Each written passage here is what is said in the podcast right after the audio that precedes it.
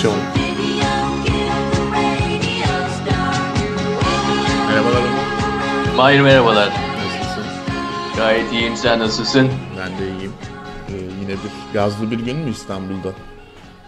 Gazlı dün gece gazlıydı. Bugün pek bir vukuat olduğunu düşünmüyorum. Bakalım yarın sanıyorum gezi açılacak. Ee, dün Cihangir'deydik. Gazlı bir geceydi yine. Ee, konuklarımız var. Onları tanıtmak ister misin?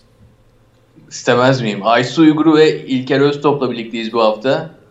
Ee, adaptasyonun 3. sezonunda 5. bölümde ee, ilk başta Aysu ve İlker'e bir kocaman merhaba. Merhaba. Merhaba. Ee, Mahir, Aysu ve İlker benim ee, Boston'dan yakın arkadaşlarım. Ee, ama Aysu zaten soracağım soruyu programdan önce söyledi. Hangisi neydi? Ne söyledin? E, e, hatırlarsın ya Aysu hani ben e, İstanbul'da döndükten sonra Boston'da partilerin eski havası yoktur demiştin. Ha evet onu şimdi söyleyeyim mi bilemedim kayıtta belki. Partisever kişiliğini e, İstanbul'a yaymak istemiyorsundur. Ama evet Onur'la partiden partiye çok görüşürdük. Ama Aysu biliyorsun yani programdan önce konuştuk. Kırmızı çizgilerimiz yok dördümüzün de. Onun için her şeyi açık açık konuşabiliriz. Tamam. Onu çok beklentileri Böyle sen yükselten bir sordukça hani sanki müthiş bir şey açıklanacakmış gibi oldu. Flash, son haber. Hangi birinden tutayım Onur? Hangi birinden tutayım diyor başladı. İstersen e, Mahir hem sana hem de di- dinleyicilerimize Aysu ve İlker'i tanıtayım. Tabii. Kısaca. Ee, ikisi de bir de beni de aynı zamanda yanlış yaparsam düzeltin. Tabii İkiniz ki. de Harvard Tıp Okulundasınız. Ee, Aysu Evet. genetik bölümünde İlker de genetik Viroloji. değil mi? Viroloji evet. Ha viroloji tamam. Ee, Virüs Aysu, bilimi, HIV çalışıyorum. HIV mi çalışıyorsun? Evet. Ha, okay. Ee, Aysu daha önceden de Boston'daydı. Brandeis bitirdi. Evrimsel biyoloji e, alanında çalışıyor. Genetikle birlikte. Aynı zamanda hani akademik Evrimsel çalış biyoloji ve embriyonik gelişim çalışıyorum. embriyoik gelişim. Evet yani embriyoların gelişimi, organ oluşumu falan. Yapma Ondan ya. Benim sana Evet. ihtiyacım vardı son 9 aydır. Hay Allah. ne yapılmalı ne yapılmamalı diye. Neyse biz bir, bir defa e, Eminim Bir sonraki gelişmiştir. Doğdu değil mi? Doğduysa Doğdu. gelişmiştir. Sorun yok. Bana ihtiyacınız yoktu. Aynı zamanda Aysu NTV Bilim'de de yaz, yazıyor. Ee, yani akademik çalışmaları yanında diğer popüler e, dergilerde de e, Kozmopolitan'da da yazıyorsun değil mi Aysu? E- efendim? tamam. Or- orası yanlış olmuş ben hemen orayı. Kırmızı çizgiyi geçsin Onur. Yok Kırmızı çizgiyi geç. Ee, NTV İlker bu arada Yazıyordum kapandı orası bu arada. NTV Bilim kapandı mı? Evet kapandı. NTV Tarih kapandı diyorlar. O doğru mu? Birisi teyitlesin bana. Doğru. Teyitli O da bilgi. doğru.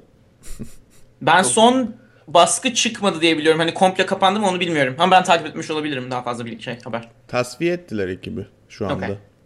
Yani ekip de zaten biz, siz bunu basmıyorsanız biz de yapmak istemiyoruz dediler. Ama son sayıyı bir şekilde çıkartacaklarını söylüyorlar bilmiyorum. İnternet üzerinden olacağını umuyoruz. Evet evet.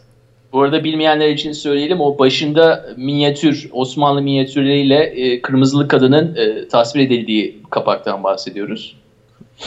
O kapak çok güzel ya ben çok beğendim. Bence de Ben de bayağı- beğendim onu. Ben de beğendim.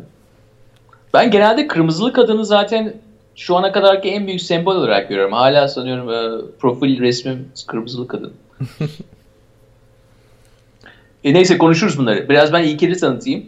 E, İlker ayağın tozuyla adaptasyona katılıyor. New York dönüşü e, Çin otobüsü maceralarından sonra.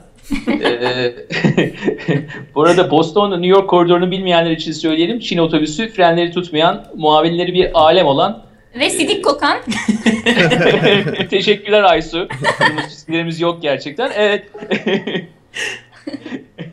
Belirli aralıklarla otobüslerin motorunun yol üstünde yandığı, yol kenarına çekilmek zorunda kaldığı, şoförlerin New York yolunu bulamadığı bir otobüs hattı. Ve kızla erkekle oturuluyor galiba. Öyle bayan yanı falan da yok sanıyorum. Aşağı. Haşa maalesef. Evet. E, bayan yana Amerika'da hiçbir otobüs firması Tabii canım öyle bir şey yok burada. Yok mu? Geri memleketler böyle oluyor. Bayan yanını daha icat edememişler. Ee, İlker'i tanıtayım biraz daha. Alman Lisesi'nden Boğaziçi'nde genetik okuduktan sonra yine Harvard Tıp Okulu'nda ee, ama aynı zamanda İlker aktör. Hem filmlerde oynuyor hem tiyatroda oynuyor. Ee, onun için e, yani Aysu ve İlker Mahir yani olabildiğince her tarafta e, hem akademik hem de aynı zamanda sosyal faaliyetleri çok gelişkin insanlar. Benim senin gibi değiller. Ee, özellikle benim gibi. Estağfurullah. Estağfurullah ya ne demek o? ben de Mahir'i de çektim yanıma. Halbuki Mahir yani çok aktif, dinamik bir insandır. Nedense hani tek başıma kalmayayım diye öyle yaptım. Onur bizi de harca bakalım. Evet. Podcast'teki partnerlerimiz olarak e, İlker ve Aysun'un aynı zamanda e, bilim, bilim Kazanı diye bir podcast'i var. Onun için bu program e, hafta içinde yazışmalarımızda tabirimiz kazantasyondu İlker'in deyimiyle. Kazantasyon, kazan, bilim kazanı adaptasyondan. E, Türkçe yayın yapan, e, internette yayın yapan belki de e, iki podcastiz biz ve ortak yayın yapıyoruz bugün. Ee, daha doğrusu hani sizi konuk olarak aldık. İleride size konuk olmayı bekliyoruz. Eğer çağırırsanız iade İadeyiz ya. isteriz. Onur biz Kazantasyon ismiyle size göz kırptık. Bundan sonra podcastleri birleştirelim zaten. Birleştirelim değil mi? Bence muhteşem bir isim bu arada Kazantasyon. Baya baya iyi bir isim yani. Uzun soluklu olsun. İnşallah. Bilim kazanı yılın başından beri ka- kaydediliyor. Tema bazlı çalışıyorsunuz. Tabii Ee, Onurcuğum her hafta- onlar onlar yalnız bizim gibi kaydetmiyorlar. Biz böyle açıyoruz abi. Bas record'a. Nereden gelirse yani o günkü hissiyat, kozmik evrendeki atomların durumlarına göre falan takılıyoruz yani. Ama onlar bayağı insan gibi Hayır, oturuyorlar, şimdi- çalışıyorlar. Ha? Sevgili Mahir isterseniz ticari sırlarımızı vermeyelim. Çünkü bizim böyle yaptığımızı Ticari mi? bilmiyor dinleyicilerimiz. Evet. Ticaret mi yapıyoruz? Benim ben bir şeyleri Para kaçırmışım. nasıl yapılıyor ya? işte para kazanalım. Ya en büyük sırrı verdim galiba. Hay Allah Mahir ben bundan para alıyordum esasında sana çaktırmadan. Gerçekten mi? Hayır. Gezi eylemcileri gibi mi? 200 lira mı alıyorsun bölüm başına? İlker beleşe git. Makarna alıyorum ben. Kömür ve makarna. Makarna mı alıyorsun abi? Yalnız gerçekten yani biliyorsun e, bazı makarnalar var. Ayıptır söylemesi bayağı pahalı olabiliyor. Yani İtalyan penne falan. New York'ta Eat Italy diye bir yer vardır biliyorsun. E, öyle makarna alıyorsan iyi yani. Yani ben aşağısı bu kurtarmaz mı Hayır'cığım? Yani ben kabul eder miyim? Beni biliyorsun oldukça klas bir insanım. Aysu İlker değil miyim? Yani. Öylesin Sessiz- Onur biz seni bildik bileli. Çok teşekkür ederim. Great Gatsby gibi part, partiler verirdin Boston'da. Gibi. ah o günler. Gibisi fazla oldu. Ee, evet o günler Ee, ama sizi İstanbul'a bekliyorum. Sanıyorum Aysu sen Haziran ortasında bir İstanbul'a bir giriş yapmışsın. Ee, Kısa bir- ne oldu? Nereden takip ediyorsun? inceledin? Hükümet e, Giriş takip yapmışsın. Giriş yaptım Onur evet gizli. Ya 11 günlüğüne geldim ve bayağı sıkışık bir programım vardı. Çok şey yapamadım yani. Kimseyi doğru dürüst göremeden gittim evet. Ülkeden ayrıldım. Yani evet pasaport e, polisinden bana bir SMS geldi bu konuda. İster istemez bunu dile getirmek zorunda kaldım. Gezi olaylarına girdin mi Aysu? Ee, gittim geziye Hay Allah. ama e, ben gittiğim gün çok kalabalık ve festival havasındaydı. Yani gazlama falan yoktu. Ertesi gün işte ben 15 Haziran'da gittim sanırım 16 Haziran'da dağıttılar parkı. Tam dağıtılmadan görmüş oldum yani barikatları falan gördüm. İşte spreylenmiş otobüsleri vesaire gördüm ama ertesi gün saldırdılar o gün parkta değildim. Öyle. O büyük tasfiye gününde parkta değildin. Büyük taarruzda parkta değildim hayır. Büyük taarruz. Büyük taarruz. Bu arada İlker Boston'daki gösterilerde e, artık notlarımın sonuna geliyorum bu arada. Ondan sonra konuşmayacağım. E, Jump for Turkey yani Türkiye için sıçra adlı bir slogan bulmuşsun diye e, söyledi kuşlar bana İlker. Nasıl ya? Çekirge sloganı. Çekirge sloganı. Bu bilgileri nereden, Nereden topladın? edindin gerçekten? Yasemin'in penceresinde miyim yoksa adaptasyonda mıyım belli değil. İşte hayatınız. Onur birazdan e, ilkokul arkadaşlarını alıyoruz değil mi? E, Aysun'un İlker. ilkokul hocası aradı beni. E, lütfen dedi hani programın sonuna doğru ben de gireyim dedi ama bilemiyorum artık. E, bu bir dakika senin icadın mı İlker gerçekten Türkiye için sıçra?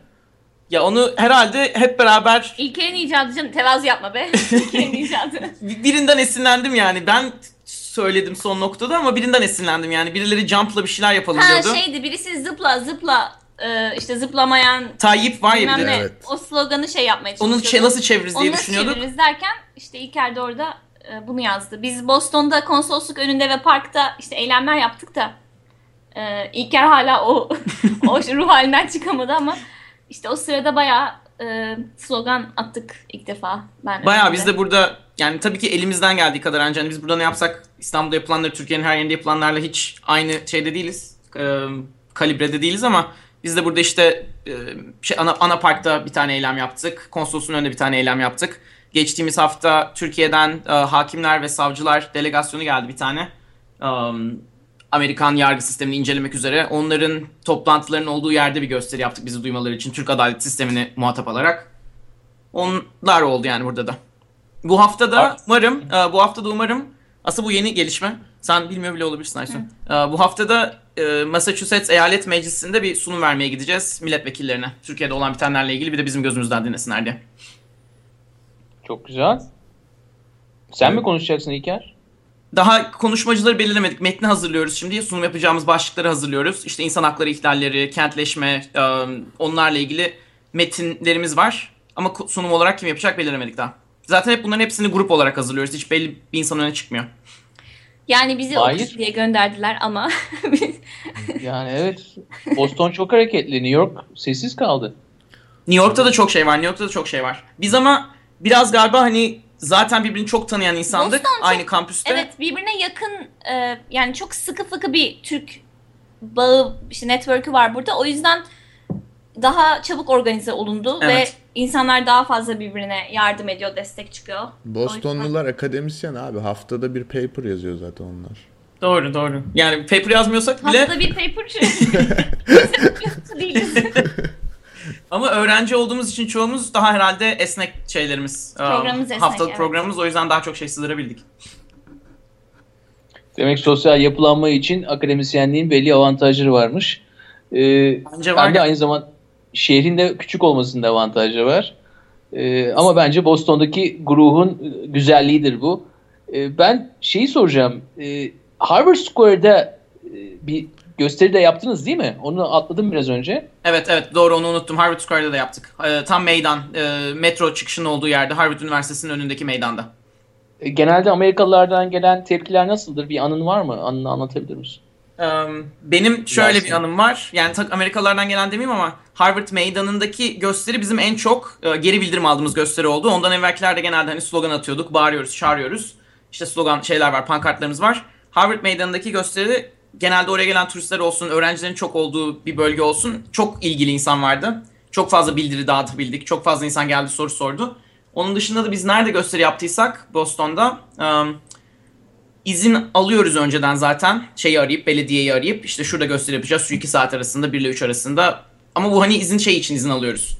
Gösteri yapmamız için izin alınmıyor. O mekanı biz rezerve etmiş oluyoruz. Hani o sırada biri oraya gelmiyor bizden başka. Hep bu şeylerde de haber verdiğimiz kısımlarda zamanlarda da hep bir polis oluyor. Yani zaten bunların hani şey kamuya açık alanlar olduğu için zaten ortalıkta polis var normal. Biz de böyle bir refleksif olarak polis görünce acaba bizi durduracaklar mı? Gösteri yapmamıza engel mi olacaklar gibi bir şey oluyordu. Gidip konuşuyorduk. Kiminle konuştuysak burada hep şey dediler. İstediğinizi yapın canım tabii ki de hani e, freedom of speech, e, ifade özgürlüğünüzü kullanıyorsunuz. Biz size tabii ki de karışmayacağız. Öyle geçiyordu. E tabi yani sonuçta konu da yani suya sabuna dokunmuyor Amerikalılar için. Yani Tabii uzakta adam. bir ülkedeki pro- uzakta problemleri pek de önemsediklerini zannetmiyorum. E, O da doğru. Peki- nokta.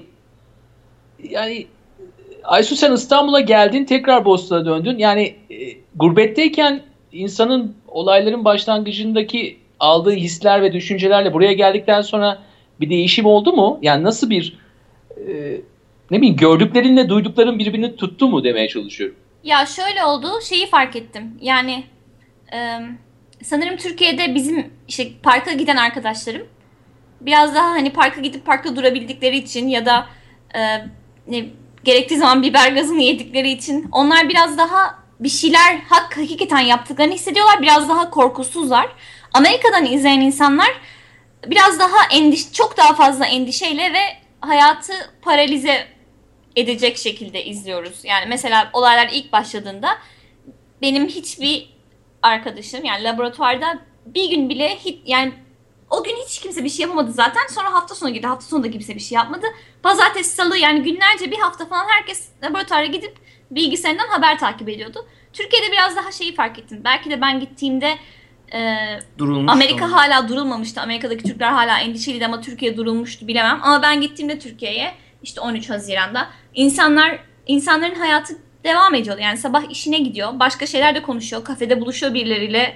Sonra mesela akşam parka uğruyor. Sonra evine gidiyor. Ya da biraz daha herkes aslında olayların olduğu şehirdeyken günlük hayatına devam edebiliyorsun. Ee, uzaktayken bütün gün sadece bunu düşünmek e, zorunda hissediyor insan kendini. Yani evimde neler oluyor? Orada değilim, yardım edemiyorum. Evet, ne kesinlikle. yapabilirim? O biraz endişe verici. Biraz daha paralize yani yurt dışındakiler. Ve duydum ki Harvard da bundan endişe duymuş. Ee, çünkü siz bütün gün Facebook'ta, Twitter'da olduğunuz için e, araştırmalar geri kalmış. Ultimata üstüne ultimatum aldık. Ne diyorsun hocalardan? Mahir. Söz Efendim sende. Onurcuğum. Söz bende mi? Tabii Nasıl söz ya? Böyle mi? Bu kadar kolay mı yani? İyiymiş sen Geçmişte bunu yaptığın arkadaşlarınla... zamanları şimdi örnek olarak vermeyeyim lütfen. Ne ha? Ne? Benim yaptığım zamanlarım. evet. Onurcuğum hiç konuşmuyorsun. Ama sen sohbet bir sohbet havasında ilerliyordu yani. Hoş beş, nasıl, Boston nasıl, partiler nasıl vesaire. ya gibi oralara derken. girersek bence bütün program onlardan Paris'e bahsedeceğiz. girersek çıkamayız. Çıkamayabiliriz. Neyse ben o zaman şöyle bir zaten daha önceden de aklımızda olan bir şeyi sorarak başlayayım. Gezi olaylarıyla da alakalı. Niye mesela benim gözlemim ve eminim ki çoğumuz da aynı şekilde düşünüyor. Dünyanın neresinde olursa olsun doktora olan ya da postdoc yapan ya da akademi içinde aşırı neşir olan insanlar akademiyle gezi olaylarına acayip bir şey gösterdiler, duyarlılık. Ülkemizde aslında yani birçok zamandır birçok farklı azınlığa ve birçok farklı kitleye bir sürü haksızlık yapıldı yani şimdi bunu açıkçası e, görmemek birazcık garip olur. Ama hepimiz böyle işte biraz önce Aysun'un da bahsettiği gibi laboratuvarlarda iş yapamadı insanlar ben New York'taki insanları da biliyorum onlar da aynı şekilde. Yani bu Türkiye'nin bu cream of the crop yani en yüksek tabakasındaki eğitimli insanlar neden sizce bu kadar çok duyarlılık gösterdiler bu meseleye? Ee, iyi ki söz sende demişim Mahir. Çok güzel bir ilginç bir soruyla girdin. Cevap yok. Bir sonrakine geçelim. Peki Düşünemedi. o zaman sıradaki soruma geçiyorum. İlker Eee, sen cevap ver. Ya benim kafamda birkaç sebep var tabii ki benim de birkaç e, sebep var da hangisi Hangisi önce kazanıyor bilmiyorum. bilemedim. sen mi gir? Ee, Yani bir kere soruyu şöyle düzelteyim. Özellikle akademisyenler için mi soruyorsun Mahir yoksa Yurt dışında e, yaşayanlar mı? yoksa bu yani Yo, daha çok akademisyenler Ben- için soruyorum aslında. niye böyle buna çok hassasiyet gösterdi diye mi soruyorsun? Hangisini? Ya çok büyük toplumun çok büyük bir kesimi hassasiyet gösterdi ama takip ederseniz ne bileyim işte ODTÜ mezuniyetinde de çok ciddi boyutta protesto oldu. Diğer Koç Üniversitesi'nde de oldu, Galatasaray'da da oldu, Boğaziçi'nde de oldu. Yani bence gerçekten eğitimli insanlar, yani eğitim derken tırnak içinde e, bu, bu olaya karşı çok ciddi bir şey var. E, dayanışması ve protestosu var. Ya sanırım şöyle bir olay ya bence Ya şunu bu- sormak bu istiyorum durumun- aslında. Bu bu yapılan hareketler bu sefer çok kendine yönelik olarak aldığını düşünüyorum ben. Hani birazcık daha sorumu açayım. Evet. Yani bilim bilimsel araştırmalar yapan, bilimsel çalışmalar yapan, akademiye inanan, akademisyenliğe inanan insanların bu sefer bu saldırıları, bu baskıyı kişisel aldığını düşünüyorum ben ve bu yüzden böyle bir tepki verdiğini düşünüyorum. Bunu bunu paylaşıyor musunuz mesela bu fikri? Evet, e, şu şekilde yani şu açıdan da paylaşıyorum. Birincisi is- olayların İstanbul'da olmasının, İstanbul'da şehrin göbeğinde başlamasının bence bir etkisi var.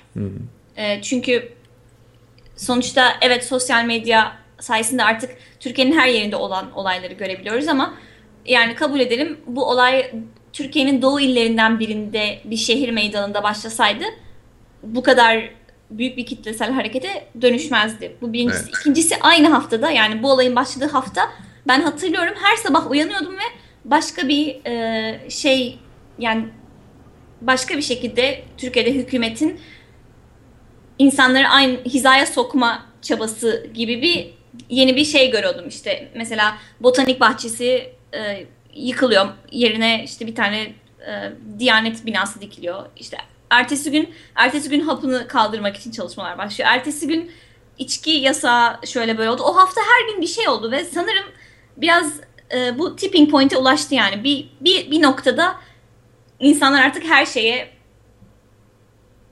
birden doldular ve burada patladı gibi geliyor bana. Bir de Halbuki yani alkolü yasaklamışken ertesi gün hapının yasaklanmasına gerek yok gibi geliyor. çok mantıklı.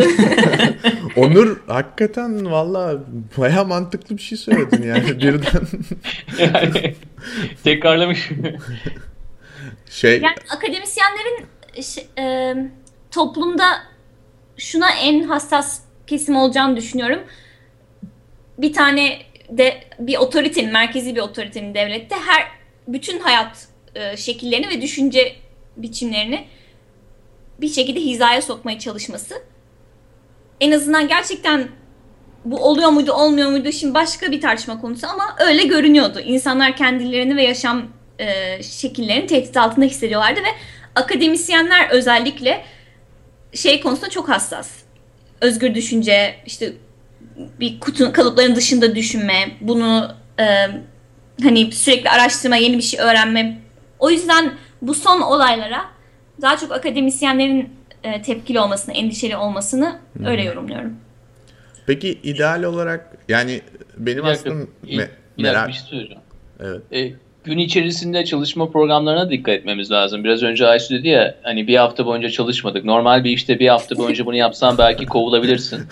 Evet, doğru. Ama Doğru. akademide yani hep kendi programımızı kendimiz belirlediğimiz için e, bir hafta hiçbir şey yapmayız gerçekten. Doktora tezi yazarken işte 6 ay bateri çalmaya başlarız. 6 ay sonra tekrar teze döneriz.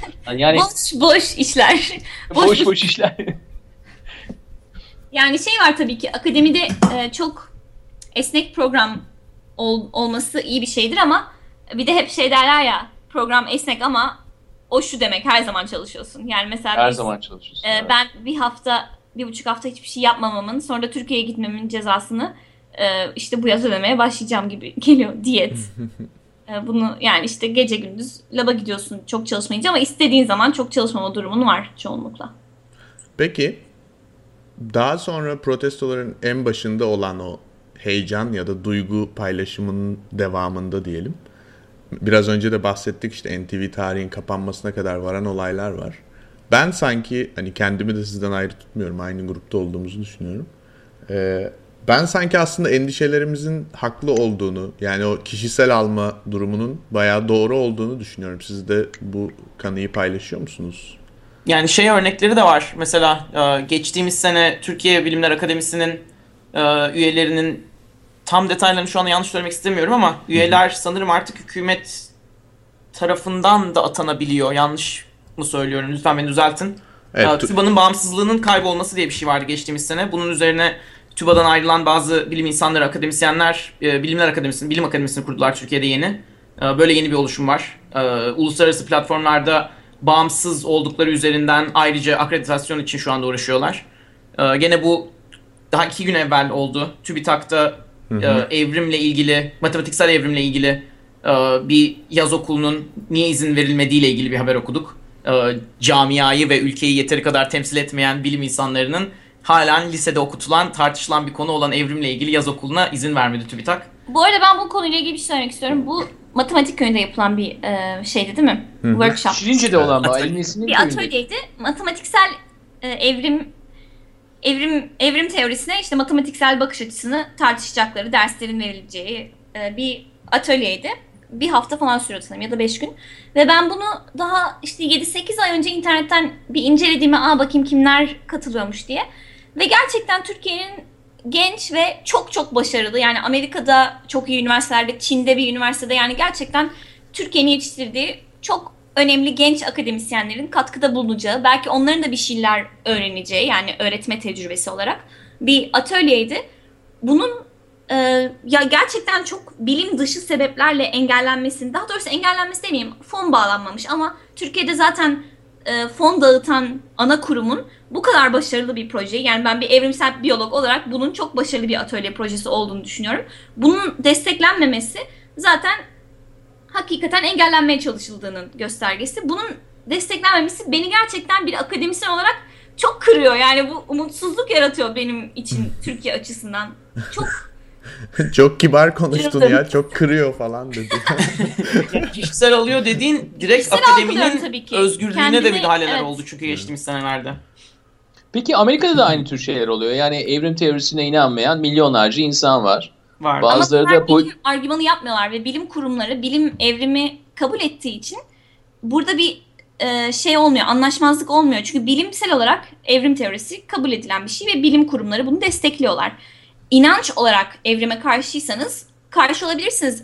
Yer çekimine de karşı olabilirsiniz. Ben gök itimine inanıyorum deyip buna inanarak yaşamınızı sürdürebilirsiniz ama e, bilim kurumu olarak gök itimine dair projeler destekleyemezsiniz. Ya da yer çekim projelerini engelleyemezsiniz. Çünkü o sırada e, bilimsel olarak ne bulunmuşsa bilim bunu desteklemek zorunda. Yoksa başka bir şey olalım. O zaman bilime inanarak gelişmesin toplumlar. Yani Burada Peki ama güneşin de e, esas da ışık bize e, ışığın güneşten gelmediği söyleniyor. Gündüz denilen bir yaratık tarafından geliyor. Söyleniyor. Yüksek merciler, yetkili merciler. Hayır arkadaşlar bu arada onun, Profesör doktor. Onur'un Evet. söylediği şey İstanbul Üniversitesi İlahiyat Fakültesi öğretim evet. üyesi. Evet Ee, biliyorum. Profesör Doktor Abdülaziz Bayındır'ın bir açıklaması. ya o da onu söylesin. Allah aşkına o da ona inansın. Ama TÜBİTAK e, gün gündüz isimli bir yaratık mıydı? Neydi bunun olayı? Onu Varlık. desteklemesin mesela. Hani TÜBİTAK'ın görevi bu değil. Şimdi burada Ama ya gerçekten ciddi bir soru sormak istiyorum. Yani şimdi muhafazakarlar biraz e, güç kazandıkları zaman muhafazakar kadrolar yaratıyorlar. Yani bu Evet. Evet. liberaller güç kazandığı zaman liberal kadrolar Evet. yaratıyorlar. Yani şu anda TÜBİTAK'ta muhafazakar kadroların oluşmasından dolayı bu tür projeler desteklenmiyor diye hiçbir bilimsel proje desteklenmiyor anlamına gelmiyor. Yani kendi düşünceleriyle tezat olan şeyleri desteklemiyorlar projeleri. Başka bilimsel projeleri destekliyorlar değil mi? Ee, orada şöyle bir yani onu ayrım mı yapmak lazım ne, ne- demem gerektiğini tam bilmiyorum ama kavramsal şöyle bir fark var bence. Muhafazakar ya kim olursa olsun hangi politik görüşten olursan ol bilim kurumunun başına geçtiğinde bilimi politize ediyor olman ister liberal ol liberal şeyleri destekle ister muhafazakar ol muhafazakarları destekle yanlış. Yani orada bilimin politize edilip edilememesi diye bir şey olması lazım. Mesela senin dediğin örneğe de şey var. Gene bir ay evvel sanırım e, İmam Hatip okullarından bir çocuk bir bilimsel proje olarak bitkilere birine Kur'an okumuş, birini sessizlikte bırakmış, birine de gürültülü müzik dinletmiş. Kur'an okutulan e, bi- bitki, fasulye en çok uzamış. TÜBİTAK da buna ödül vermiş. Mesela orada hani muhafazakar kesim kendi bilimini destekliyor diyemiyorum ben. Muhafazakar kesim politize edilmiş bir şekilde kendi görüşünü destekleyeceğini düşündüğü bilimsel, hani tırnak içinde söylüyorum bilimsel projeleri destek veriyor. Yani orada sen... Ya, Ha, Peki söyle. dünyada böyle olmuyor mu? Yani para her zaman neyin bilim neyin olmadığını hangi e, dergide neyin yan- yayınlanacağını paralar, e, Yok, ben- networkler belirlemiyor mu genelde? Bir şeye değinmek istiyorum. Bu hani dünyada nasıl olduğunu tartışmıyorum ama mesela tarihsel olarak bilim aslında her zaman biraz daha e, nasıl diyeyim kalburüsü demeyeyim de yani mesela eskiden İngiltere'de Avrupa'da biraz daha böyle e, gentleman's club işiydi. Yani rahatı yerinde e, adamlar, erkekler genelde işte bilim yaparlardı. Çünkü parayı düşünmelerine gerek yok. Daha sonra sanırım şu an birazcık daha burjuvazinin elinde diyebiliriz bilim.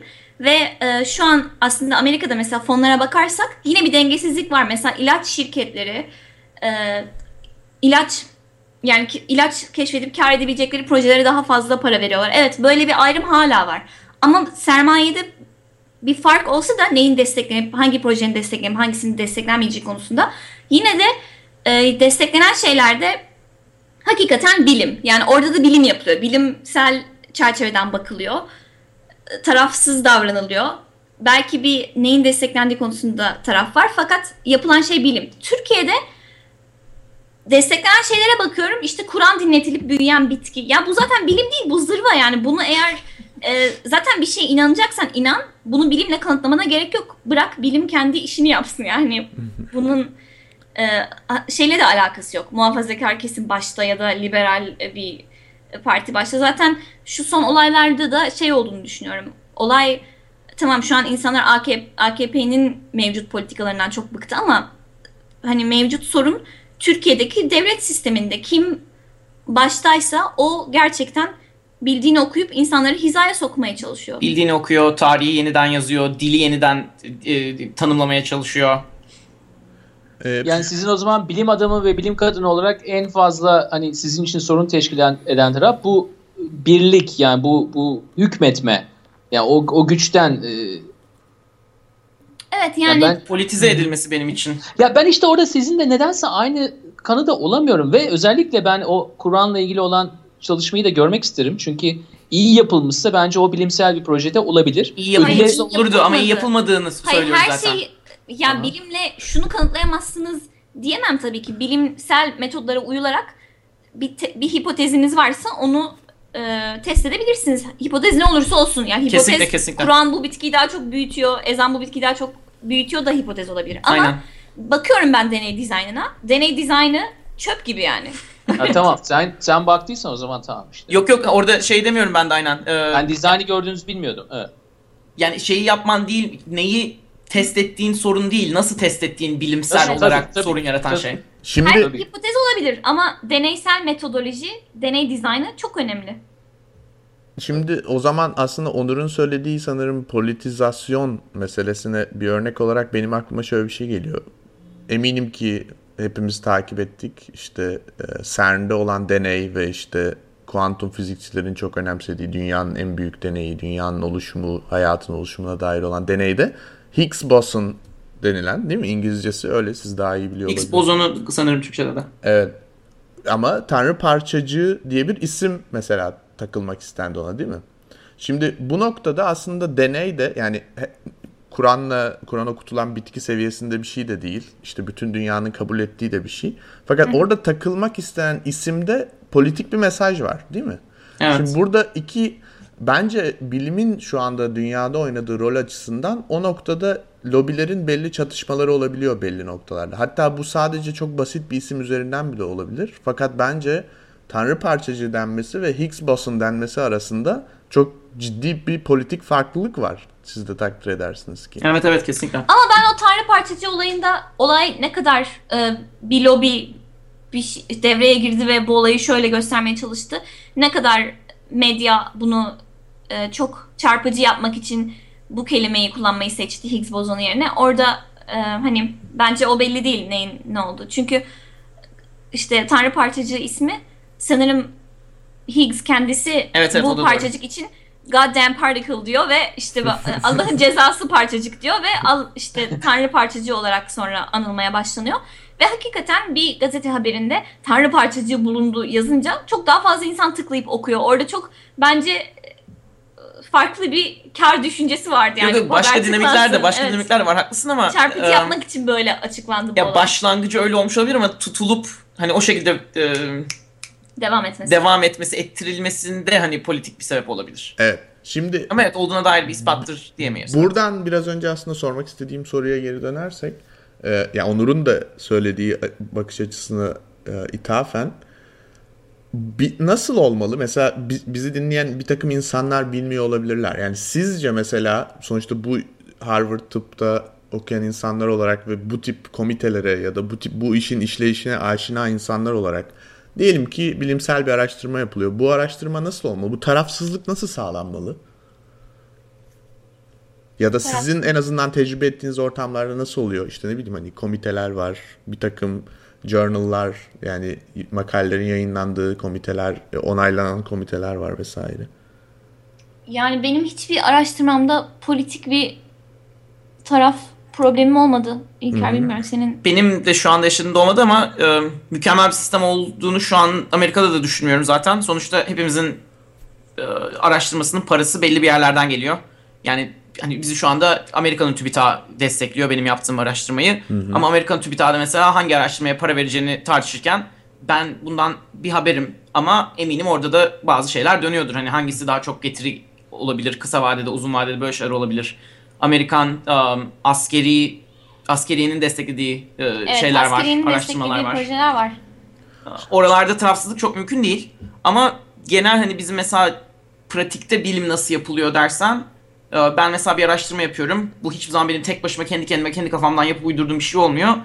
Öyle bir şey olsa bile ben bunu bir e, bilimsel dergiye yolladığım zaman tanımadığım insanlar tarafından peer review'a giriyor. Yani tanımadığım o alanda e, üstünlüğünü ispatlamış insanlar benim ben, ben kim olduğunu bilmeden onlar benim makalemi değerlendiriyorlar. Yorumlar yazıyorlar. Şuraları düzelt, şuraları değiştir diyorlar. Hani bilinmeyen anonim insanların birbirini Evet. kontrol ettiği bir sistem otur var var diyeyim. Yani evet onun da işlemediği yerler oluyor.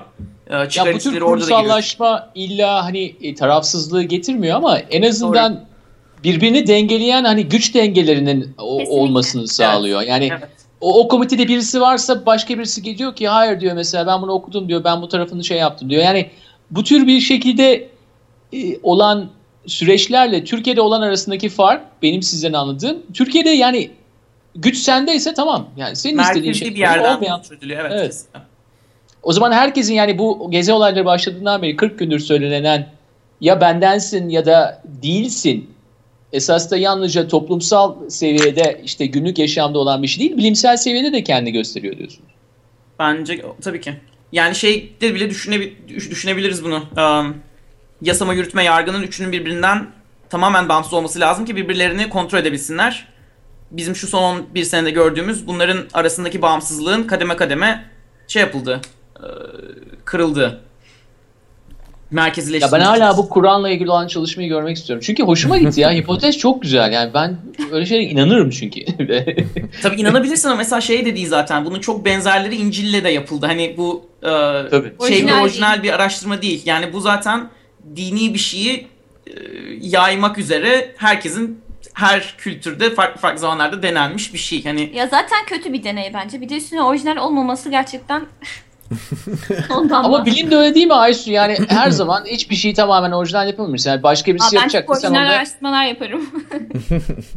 Bu arada evet e, embriyolojiye geri dönelim genetik olarak. E, sen herhalde yeni yeni bebekler mi türetiyorsun? Ne yapıyorsun işini? Yok. ne yaptın Onur ya?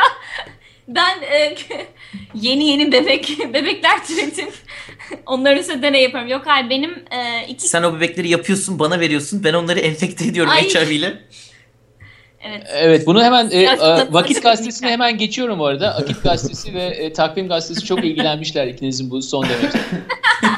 Ya benim e, benim araştırmam ve yani embriyonik gelişimde organ gelişimi üzerine. E, tabii ki insan embriyoları kullanamıyorum ama bu araştırmalardaki Tüh. yani araştırmaların e, asıl mesela odak noktası bir tanesinde omurilikteki sinirlerin dizilimine bakıyorum. Ve biraz şeye bakıyorum. E, ev- mesela bu araştırmam daha evrimsel süreçle alakalı. Embriyoların büyüklüğü değiştikçe mesela farklı kuş türlerinde farklı büyüklükte embriyolar var. Ya da bir fare embriyosu, bir at embriyosu birbirinden farklı e, boyutlara sahip. Bu şey, sinir hücrelerinin omurilikli dizilimi boyut farkıyla nasıl değişiyor? Buna bakarken de işte çok e, daha uçuk deneyler de yapabiliyorum. Mesela geçen gün mesela geçen gün bir hayvan yaptım. İşte bir bir Bir tane hayvan mı yaptın? Bir, bir tane ötücü kuş e, olan Partide getirsene o ötücü kuşu. Yok bir dakika. O laboratuvarımdaki öldü de şeyden bahsedeyim. Bir tane ispinoz diye bir e, ötücü kuş var. Onun en erken embriyonik dönemdeki işte hücrelerini alıp tavukla karıştırınca işte tavuk ve ispinoz e, karışımı bir hayvan üretip teker teker ispinoz hücrelerinin ve tavuk hücrelerinin nasıl aynı embriyonik ortamda nasıl davrandığına bakabiliyorum. Yani Yani Biraz- gerçekten yeni tür bebekler yapıyor musun ya? Ben çok e, atmamışım. İspinoza tavuğu birleştiriyorsun. evet ama insan insan bebesi karıştırıyor. İnsan bebelerini karıştırmayalım. Orada tabii İncil, Kur'an, Tevrat hepsi araya girebilir. Yani hep denir ya Türkiye'de bu tür araştırmalar neden yapılmıyor? Hep bunların işte finansal nedenlerden dolayı ol- olduğu söylenir. Ama galiba hani sen biraz önce bana çalışmanı anlatırken Aysu hepsinin içinde evrim kelimesi geçiyor. Yani eğer evrimi kategorik olarak reddediyorsan sanıyorum bu tür araştırmaları Karun'un hazinesine sahip olsan bile yapmayacaksın. Çünkü baştaki en önemli e, artık ne diyeyim ona e, önerme mi diyeyim E, yani onu reddediyorsun yani Evet, evrim yoktur kere diyorsan. Evrimle ilgili şöyle bir durum var. Evrim evrim sorusu olarak başlayıp bize insan biyolojisiyle ilgili çok önemli bilgiler veren sayısız araştırma sayabilirim. Mesela yine bizim laboratuvarda başlayan işte bağırsakların kıvrımlanmalarına bakan bir proje vardı. Herkesin e, eğer çok yaşlı değilseniz ve kolajenleriniz e, dağılmaya başlamadıysa vücudunuzda her insanın bağırsağında aynı sayıda kıvrım var. Eşit sayıda kıvrım vardır ve bu embriyonik dönemde belirlenir. Ve şey çok ilginç mesela ince bağırsak e, neden işte e, farede hep 13 tane kıvrım yapar. Yani salladım şu an 13 tane birazcık az da olabilir. İşte insanda şu kadar yapar. Tavukta bu kadar yapar. Bunlar bildiğimiz kıvrım sayıları. Bunları bunlar neden neden bu sayılar her zaman eşit seviyede olabiliyor? Mesela buna biz evrimsel açıdan baktık. İşte kuşta baktık, farede baktık, farklı kuş türlerine baktık ve bir modelleme yaptık. Oradaki dokunun esnekliği, e, işte büyüme hızı, bütün bunlar bir e, mesela bir şey yaratıyor. İşte fiziksel bir orada gerginlik yaratıyor ve doku aslında kendi kendine kıvrılıyor. İşte 13 halkayı kendi oluşturuyor. Çünkü diğer dokuyla yaptığı işte temasın gerginliği, işte elastikliği dokunun falan filan bunlar kıvrım sayısını belirliyor. Ve biz bunu ev, evrimsel olarak bakıp modelleme yapmasaydık insanlarda da bu sürecin fiziksel olarak aslında tamamen fizik kuralları üzerine oturduğunu bunu bilemezdik. Şimdi evrimi zaten kategorik olarak reddederseniz bu araştırmayı yapamazsınız ve insanda da böyle bir şey olduğunu hiçbir zaman öğrenemezsiniz. İnsan embriyosu da kullanamayacağımıza göre. Ee, Bak, ve programdan ilgili... sonra AKP Genel Başkanı'ndan bir telefon alabilirsin Aysu. Yani benim de buradaki biliyorsun söylentilere göre sanıyorum kendisinde çok ağır bağırsak sorunları var. O, ondan evet. dolayı da hani belki sizin çalışmalardan yararlanabilir. İnşallah yardım etmek isteriz. Yani şöyle bir konu da var.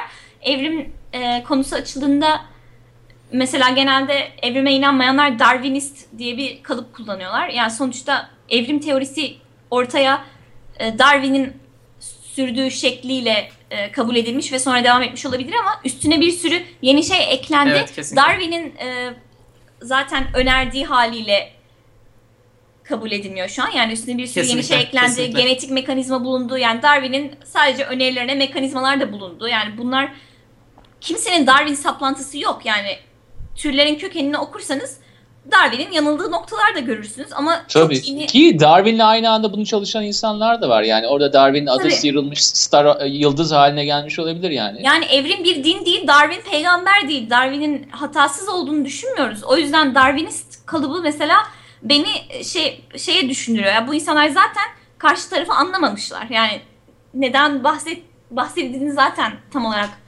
e, okuyup kabul etmemişler yani. Çok güzel söyledin. Darwin peygamber değildir. Bunu da yazabiliriz evet Vakit Gazetesi'ne. ee, belki de sorun o arkadaşlar yani neden peygamber değil?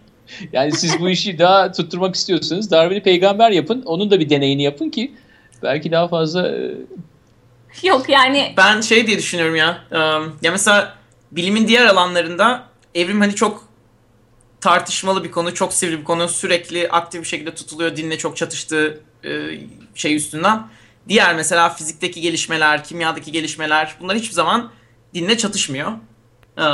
Ben orada biraz ya mesela ev, evrenin neden oluştuğu, Big Bang falan bunlar hani bence çok soyut olduğu için insanlar tartışamıyorlar. Takip edemedikleri için. Bir Güzel de bir de fizikte, kimyadaki gelişmelerin ben e, teknolojiye dönüşme hissinin çok daha hızlı olduğu için insanların günlük hayatlarında kullanmaya başlamaları çok daha kolay oluyor. Çok daha çabuk oluyor.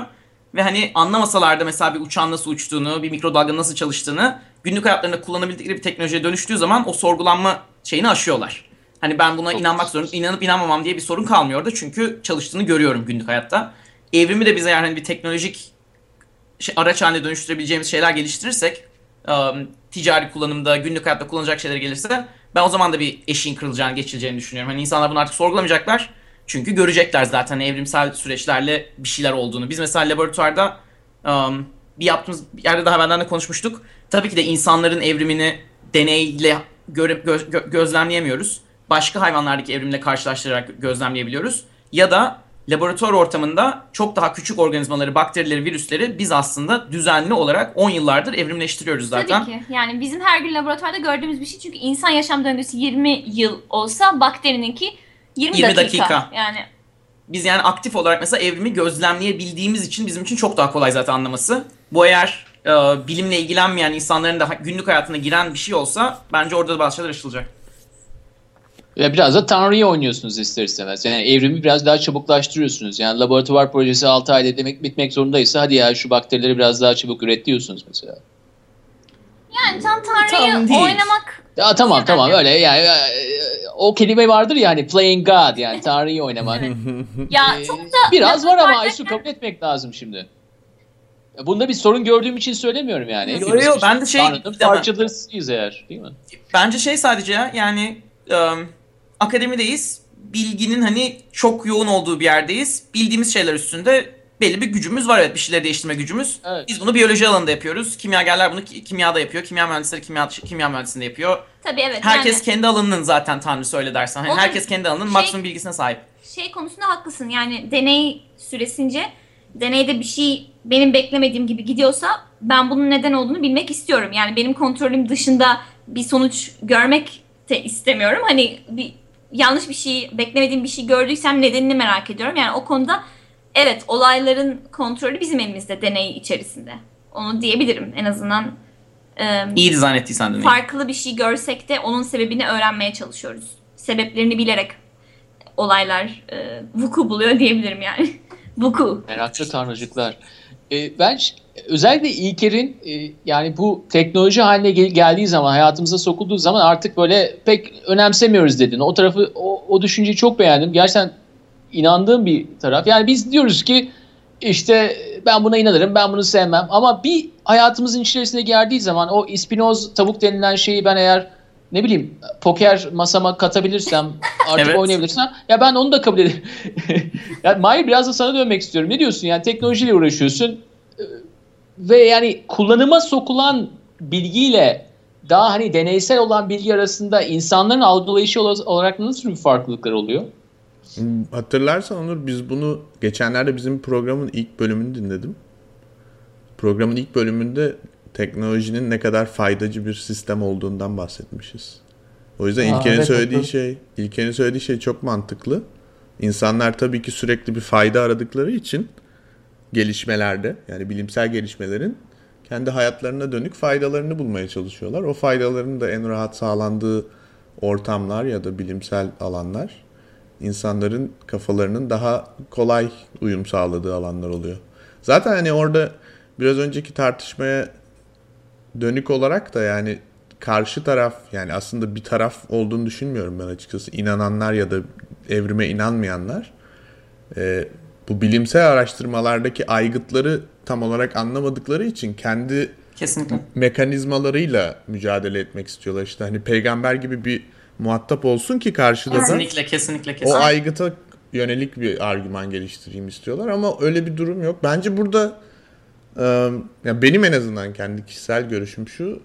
Bu belki de yani daha işte biraz önceki soru sormamın sebebi de oydu yani. Hani bu iş nasıl oluyor ve nasıl daha iyi olabilir ve sizin çünkü bilim dünyasının dışında olan insanların aslında bu dünyanın içindeki o bizim hissettiğimiz ya da sizin de gördüğünüz bir takım ufak sorunlar ya da belki büyük sorunlar ya da politik hamleler ya da lobiler vesaire gibi şeylerin bahane ederek buna karşı mücadele etmesi çok yanlış. Oysa ki içeridekilerin aslında bu sistemin nasıl düzeltilebileceğine dair öneriler getirmesi gerekiyor diye düşünüyorum ben.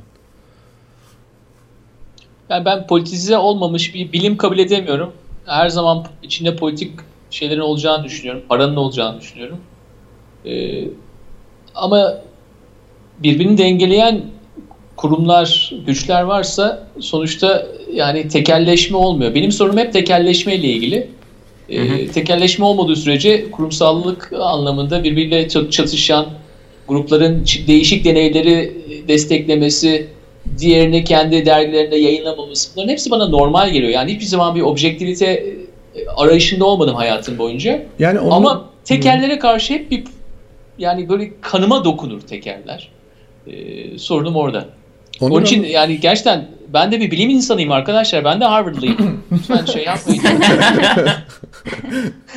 Onur zaten sonuçta yani politikanın ya da ideolojilerin olmadığı insanların birbirleriyle iletişim kurduğu herhangi bir ticari alan olduğunu çok zannetmiyorum açıkçası. Bilmiyorum belki de vardır ama. Ya E, ben şöyle bir örnek vermek istiyorum bilim politika ve taraflılık konusunda. Mesela e, bu son zamanlarda GDO çok tartışılan bir olay haline dönüştü. Ve Fransa'da Seralini makalesi, Ser- Seralini işte denen bir bilim adamının e, ilk baş yazarı olduğu bir makale basıldı. E, şey gösteriyorlar. İşte GDO'lu e, yem verdikleri farelerin çok daha fazla e, tümör geliştirdikleri yani GDO'nun kansere sebep olabileceğine dair bir makale yayınlamışlar. Ama sonra Kur'an okursan onlara yani geçer herhalde birbirini dengeler herhalde. O ikili çalışma herhalde yolda. Yani ben şunu mesela e, bence bu şu, şu açıdan güzel bir örnek. Bunu bu makaleyi yazan insanların gerçekten belirli bir e, hisle bu yola başladıklarını düşünüyorum. Yani GDO'ya hakikaten biraz taraflı bakıyorlar gibi geliyor.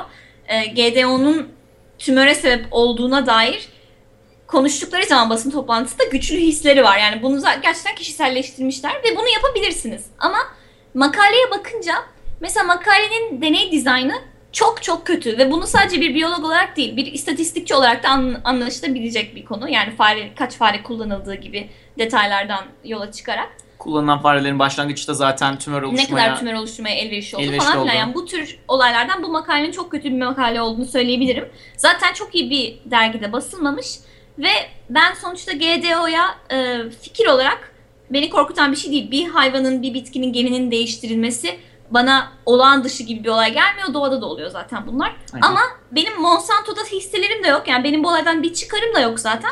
Sadece kişisel olarak korkmuyorum. Ama bir gün bir makale geçse elime, çok iyi dizayn edilse, e, çok hani açık sonuçları olsa ve tekrarlanabiliyor olsa bu sonuçlar. E, Ben de derim ki tamam GDO kansere sebep oluyormuş. Ama ben bu Seralini makalesinden Fransa'da yayınlanan kesinlikle kötü bir makale olduğunu düşünüyorum. GDO'nun kansere yol açtığını kanıtlamadığını düşünüyorum. Şu ana kadar hiçbir yerde tekrarlanmadığı gibi e, zaten yani bayağı uzun süredir birçok ülkede ineklere zaten e, genetiği değiştirilmiş yem veriliyor ve ineklerde tümör oranını e, konusunda bir artış gösteren bir çalışma da yok elimizde şu anda. Yani ben şu ana kadarki kanıtlardan zaten inanmadığım gibi bu makaleyi de kötü bir makale olarak, kötü bir deney dizaynı olarak kendim e, bunu düşündüm. Ama bakıyorum GDO kanser ilişkisine çok inanan insanlar, bunu çok kişisel alan insanlar bu makaleye dört elle sarıldılar ve bilim kanıtladı, bilim kanıtladı deyip duruyorlar. Yani bu da işte yine bilimin politikleşmesi ama önemli olan politik yapılıp yapılması değil, kötü yapılması. Yani kötü bir deney yapılmış orada. Olay tabii ki araştırdığın konuda kişisel hislerin olabilir ama iyi bir deney dizayn etmek güçlü sonuçlar yayınlamak zorundasın. Çünkü bu daha sonra tekrar edilecek ve senin bulduğun sonuç bulunmazsa zaten bilimsel olarak kabul olmaz. Yani bir kişinin bir şey bulması tekrarlanamıyorsa hiçbir şey ifade etmiyor ki bilimsel literatürde. Evet. Yani tabii ama yani artık güçlerin de varlığını kabul etmemiz lazım. Yani siz şu bilimsel şu değil dediğiniz zaman ne hangi dergide basılıyla alakalı oluyor. Yani o dergi Aa, çok bilinen hayır. bir dergisi Hayır hayır ben Hayır. ve yani kaç kişi onu alıntılı yapmış yani değil mi? Yani sonuçta Hayır, bunların hayır. hepsinin ben deneyi Subjektif okudum, olduğunu kabul etmiyor musunuz? Kötü bir dergide yayınlanmış diye yargılamadım. Yani deneye bak baktığım zaman yapılan deneylere, figürlere ben bunun kötü bir çalışma olduğunu görebiliyorum. ama sen söylüyorsun Aysu yani İlker baktığı zaman belki iyi bir çalışma olduğunu söyleyecek. Falan. Ben de açıkçası kötü bir çalışma yani İlker kötü bir örnek oldu. Zaten siz Hayır, şöyle dediğin bir Ya şey var. Tabii ki de fark bir- dersiniz yani arkadaşlar sizi ayıramam ben yani. Çok Hayır, hayır, hayır. Objektif bir şey değil bu kötü veya iyi demek buna. yani tabii ki şöyle ya, sub- şöyle bir subjektif.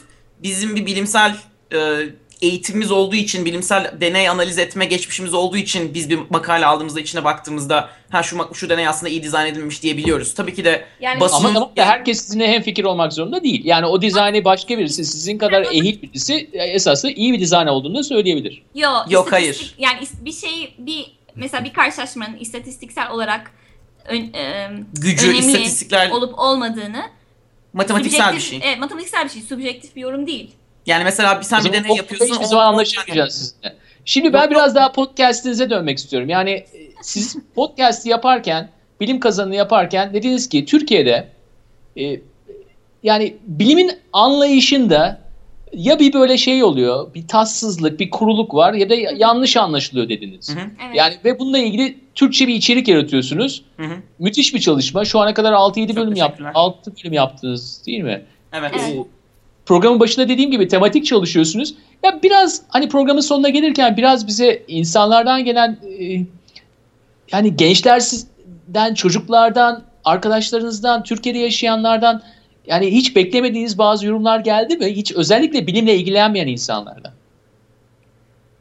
Yorumlar yani Yani şöyle bir şey var. Ee, hani hep kazanan piyangoyu görüyorsun.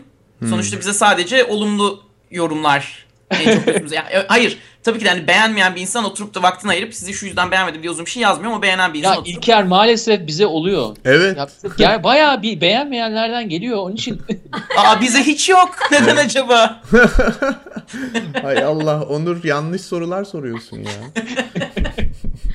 Yok. Onur, Onur yarın bize şey eleştiri maili atacak anonim. evet ben böyle e, evet e, ben Akit gazetesinden Onurovic. E, Yok ama şey de var. Yani biz daha e, adaptasyon siz, sizin çok daha fazla geçmişiniz var. Bizim yani 6 ay yeni doldu. Zaten çok çok çok büyük bir kitlemiz yok şu anda. Büyüyor ama çok çok büyük bir kitlemiz yok. Belki hani yayıldıkça daha çok şey alırız, geri bildirim alırız. O yüzden Canım yani şey bizi de dinleyip sıkılan oluyordur ama Tabii canım. e, demek ki hani denk gelmedi de amma sıkıldım ne biçim program bu? diye bir e-mail almadık. Bizi şey sevindiriyor. Mesela geçen bölümde sanırım birisi Twitter'dan işte unuttum bizi takip eden birisi işte sabah kahvesini koymuş. İşte bir şey e, kahvem hazır. İşte bey ne yanında kruvasan mı? Yani bir kahvaltı poğaçası hazır.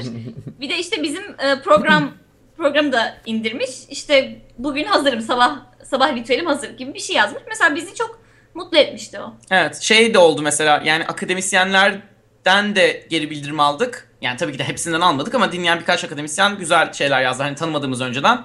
Onun dışında hani hiç bilimle aktif olarak ilgilenmeyen insanlardan da ım, şey bir geri bildirim almak hoş. Normalde hani onlara ulaşmayacak bir konuyu onlara ulaşabilecek bir şekilde dille anlatmaya çalışıyoruz. Komik anlatmaya çalışıyoruz, eğlenceli anlatmaya çalışıyoruz. Hani insanlar aslında geyik yapar gibi dinliyorlar, arada da bilgi ediniyorlar. O formatı yaptıysak hani iyi bir şey bence o formatta çok iyi bir şey yapıyoruz. Hani normalde bilimsel bilgiyi okumayacak insanların radarına giriyor şey program ve oradan bir şeyler öğrenmiş olarak yarım saat sonra çık ayrılıyorlar. Umarım. sanıyorum bu Umarız. geri bildirimler anlamında özellikle başka bir şey yaparken bizi dinleyenler de beni hep etkiliyor. E, işte metroda gidiyorum veya işte çalışıyorum. Yani başka bir şeyin yanında bunu yapması esasında hoşuma giden tarafı oluyor. Kesinlikle, yani birebir aynen. biz Evet. Aynen. Başka bir şey gelmedi aklıma ya. Var mı çok acayip bir yorum aldığımız? Yo. Genelde garip kelimeler yazarak geliyorlar siteye ama bunu burada açıklamayalım bir dakika ya nasıl kelimeler aldım? Söyleyeyim mi? Yani kelimeleri Kırmızı çizgimiz yoksa biz bir tane Artık 5. programın bölümümüz... sonuna geldik yani e, dedik ki kırmızı çizgimiz yok ama fazla Tamam, böyle tamam, şey söylüyorum yaptık. söylüyorum. Yani Peki, tamam. söyleyeceğim ama mecburen. Ee, bizim 5. bölüm seksin evrimi üstüneydi.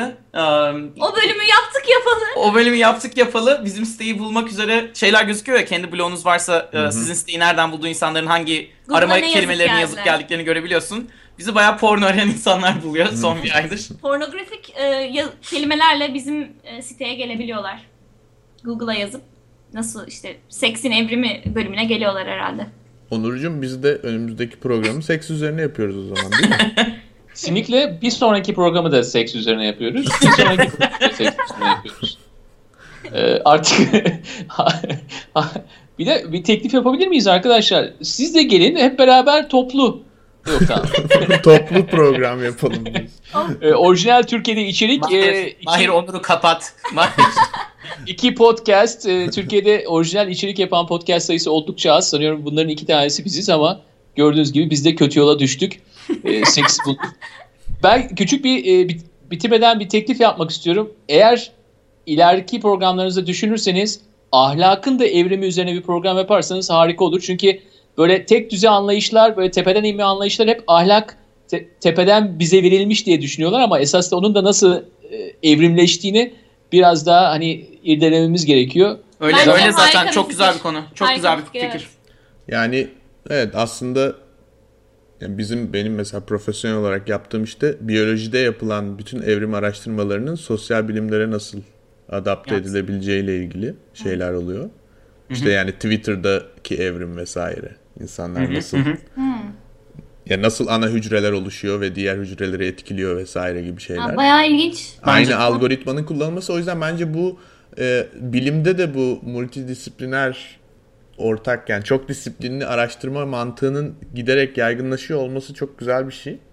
Ee, sizin programda da öyle şeyler dinlemek çok ilginç olabilir yani gerçekten. Tarihin Güzel. evrimi, tarihin anlatımının evrimi vesaire. O zaman kapatmadan siz de bize bir teklif yapın. Yani şunu yapın.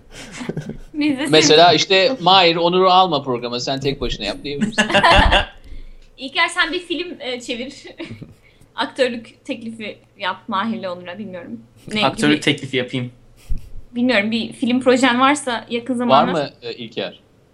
Şöhret yolunu Öpüşmem, at. Genç. öpüşmeyiz ve soyunmayız yani. Sizin o seks e, sekse gelen arkadaşları bilmiyorum. E, Sekse gelen arkadaşlar. Ahlaksız teklif. Benim bir tane havada bir proje var. Belki yapacağım, belki yapmayacağım. Kesinleşmedi henüz ama. Tabii. yani Eğer kesinleştiği zaman kamuoyuna lütfen ilk adaptasyondan Tamam, ilk adaptasyonda duyuracağım. Tamam. Adaptasyon The Movie. The movie. Coming to a theater near you. Ee, bu arada hani bitirmeden e, bizi dinleyenlere e, bilim kazanından bahsetmek istiyorum. E, İngilizce plugging diyorlar ya. Evet. Fişe takmak gibi. Yani belki bizi dinleyenler, sizi dinlemeyenler vardır. Onun için e, bilim kazanını indirin diyorum. iTunes'dan indirebilirsiniz veya e, Mixcloud'dan indirebilirsiniz. Mixcloud yalnız Türkiye'de çalışmıyor. Bir site, Aa, web siteleri var. bilmiyorduk. Aa, sizin web siteniz mi var? Tabii ki. Tamam. Ha biz biz web, web sitemiz var. Ay, ay şeyde de var. iTunes'da da var. İTunes'da da. iTunes'da da varsınız zaten. Çok fazla yerde varlar Onur onlar. Her yere koymuşlar. 8-10 kopyaları var. Kaçırman imkansız öyle diyeyim. Çok sağ ol, çok sağ olun ikiniz de. O zaman iadeyi ziyarette e, artık görüşürüz. E, Orada bir tema belirlenecekse lütfen hani bizi çağırdığınız zaman onu beraber belirleyelim. Zaten Tabii ki, tabii ki. Adaptasyon yapabiliriz. Olabilir. evet çok güzel olur gerçekten. Aa çok güzel olur. Bir adaptasyon olabilir. Aslında şeyi konuşabiliriz yani evrim deyince insanlar lineer ve e, gelişmeye dayalı bir proses zannediyorlar ama evrim dediğimiz şey aslında adaptasyondan ibaret. Bir şeyin sürekli kendini daha iyi yapması değil. Sadece bir şeyin Kendine Değişirse olan durumu uydurması. adapte etmesinden Uydurması. ibaret. Evrimle bir şeyler sürekli daha iyileşmiyor yani. Evrim sadece Evet.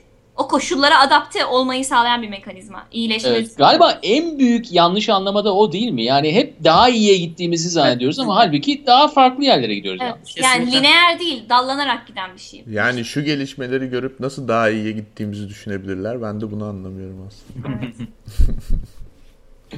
O zaman e, bu haftayı kapatıyoruz. E, Aysu, İlker çok teşekkür ederiz. Asıl biz teşekkür Asıl ederiz. biz çok misafir teşekkür ederiz. ettiniz Çok bizi. keyifli oldu. Çok teşekkürler.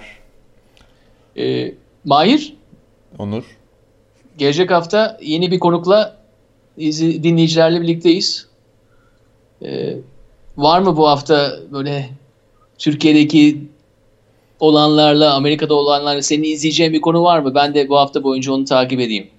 Çünkü Benim- biraz gündemsiz kaldım. Gezi bitince gündemsiz kaldım Mahir. Ben politik oluşumları takip etmeye çalışıyorum Onurcuğum. Açık demokrasi gibi, Gezi Meclisi gibi. Gezi meclisi gibi evet. Ee, E, programdan sonra onu da konuşalım. Tamam. Tamam. Sevgiler, saygılar. İlker Aysu tekrar teşekkürler. Biz teşekkür Gelecek ederiz. hafta- Görüşmek üzere. Bilim Adaptasyon. kazanı, bilim kazanını dinleyin. Adaptasyon bu hafta bu kadar.